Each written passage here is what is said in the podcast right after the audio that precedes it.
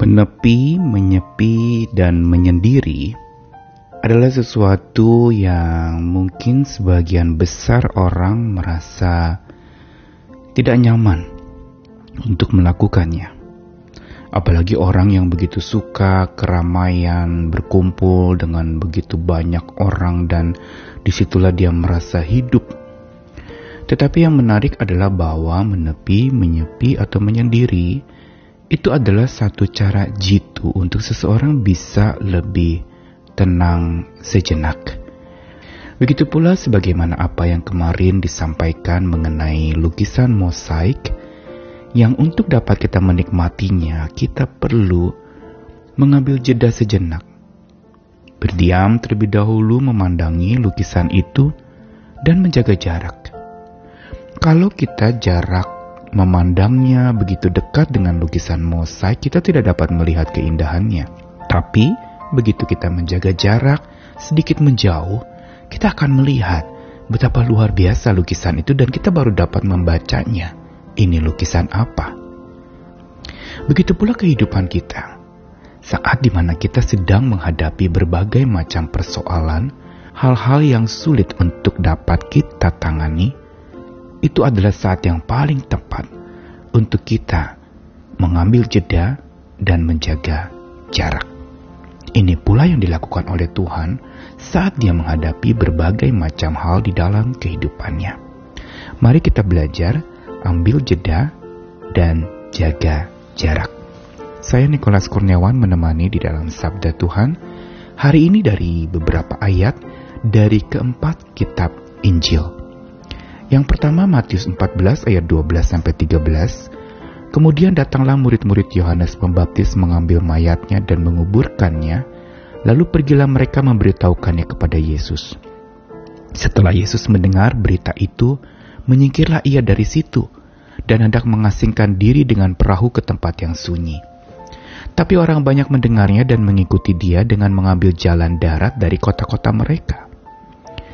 Lalu Matius pasal 14 ayat 22 sampai 23. Sesudah itu Yesus segera memerintahkan murid-muridnya naik perahu dan mendahuluinya ke seberang.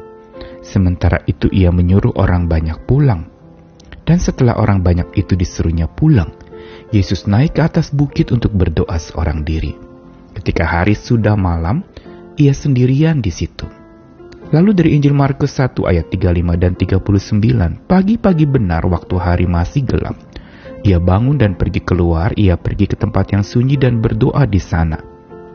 Lalu pergilah ia ke seluruh Galilea dan memberitakan Injil dalam rumah-rumah ibadat mereka dan mengusir setan-setan. Lalu dari Lukas pasal 4 ayat 42. Ketika hari siang Yesus berangkat dan pergi ke suatu tempat yang sunyi. Tetapi orang banyak mencari dia.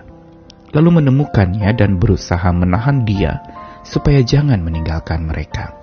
Dan terakhir dari Yohanes 6 ayat 15, karena Yesus tahu bahwa mereka hendak datang dan hendak membawa dia dengan paksa untuk menjadikan dia raja, ia menyingkir pula ke gunung seorang diri.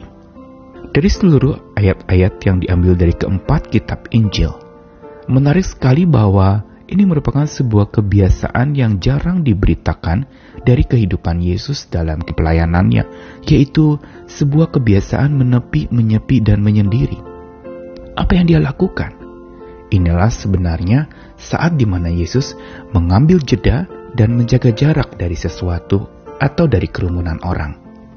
Tujuannya bukan untuk antisosial dan melarikan diri, tapi justru untuk melihat lebih jelas lagi dan untuk supaya ada inspirasi dalam melihat sesuatu lebih benar lagi. Dan ketika kita baca tadi di dalam keempat Injil baik di Matius, momen itu adalah ketika Yesus menyingkir lalu mengasingkan diri ke perahu, naik perahu ke tempat sunyi untuk lalu dia mengambil jeda dan menjaga jarak pada saat itu adalah masa di mana dia baru saja mendengarkan berita tentang Yohanes Pembaptis yang dihukum mati dengan dipenggal kepalanya. Saat itu tentu saja Yesus berkabung. Dalam berkabungnya, dia mengasingkan diri dengan perahu ke tempat yang sunyi. Sebuah kebiasaan yang baik. Dia mengatasi perkabungan justru dengan menyepi, menepi, menyendiri di tempat sunyi. Lalu di dalam ayat 22 sampai 23 Matius 14 yang sama juga dikatakan bagaimana waktu itu kepada murid-muridnya Yesus memerintahkan murid-muridnya naik perahu dan dia naik ke atas bukit berdoa seorang diri. Kembali Yesus mengambil jeda dan menjaga jarak dari murid-muridnya.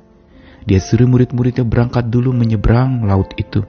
Sementara Yesus naik ke bukit berdoa. Poster yang menyertai renungan ini adalah poster yang saya ambil dalam foto ketika perjalanan siarah waktu itu ke Danau Galilea, atau orang sering sebut itu adalah Laut atau Danau Tiberias. Dan tempat itu adalah tempat yang menjadi sentral banyak kali pelayanan Yesus. Dan di dalam Matius 14 tadi dikatakan bagaimana Yesus menyuruh orang banyak pulang dan ini kejadian yang di Danau Galilea itu. Begitu pula di dalam Injil Lukas dikatakan hari siang Yesus berangkat dan pergi ke satu tempat yang sunyi, tapi orang banyak mencari dia, lalu menemukannya dan berusaha menahan dia supaya jangan meninggalkan mereka. Kalau tadi pagi lalu malam, sekarang siang.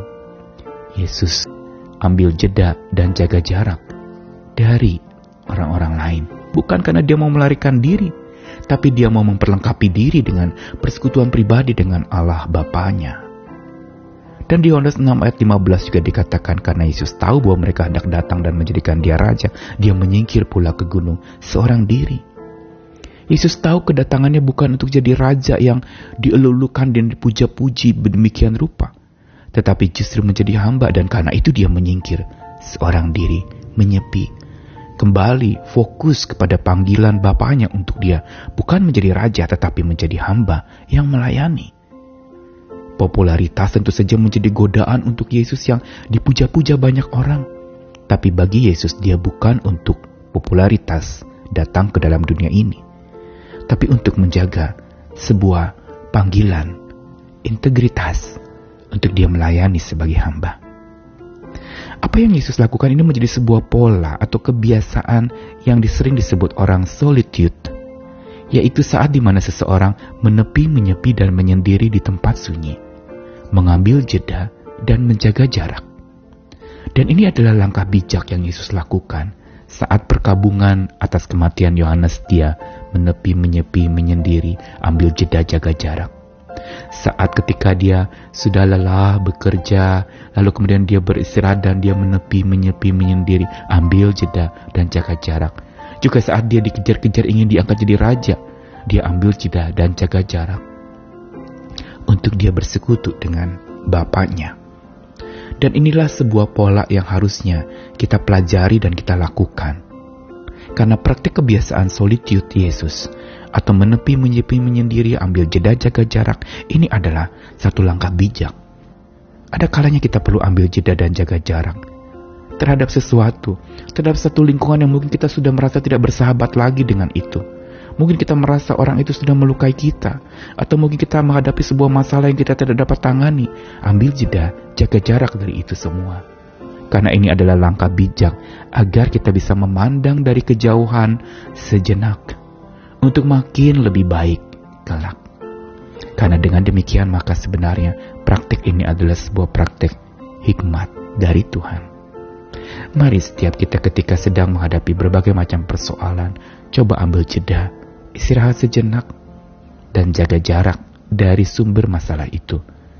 Agar kita bisa sejenak memandang segalanya dari kejauhan, bukan dari dekat seperti benang kusut kita di dalamnya kita tersesat dan terjerat, tapi kita keluar dari kumpulan benang kusut itu dan memandang dari kejauhan agar bisa menatap dengan perspektif yang baru, melihat juga dengan makin lebih baik, dan tentu saja hubungan menjadi makin lebih baik.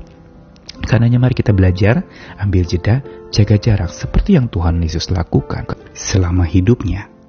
Mari kita berjuang lagi, mari kita belajar untuk terus menyerahkan segala sesuatunya ke dalam tangan kuasa Tuhan pada saat kita mengambil jeda dan menjaga jarak. Tuhan mengasihi kita sekalian. Amin.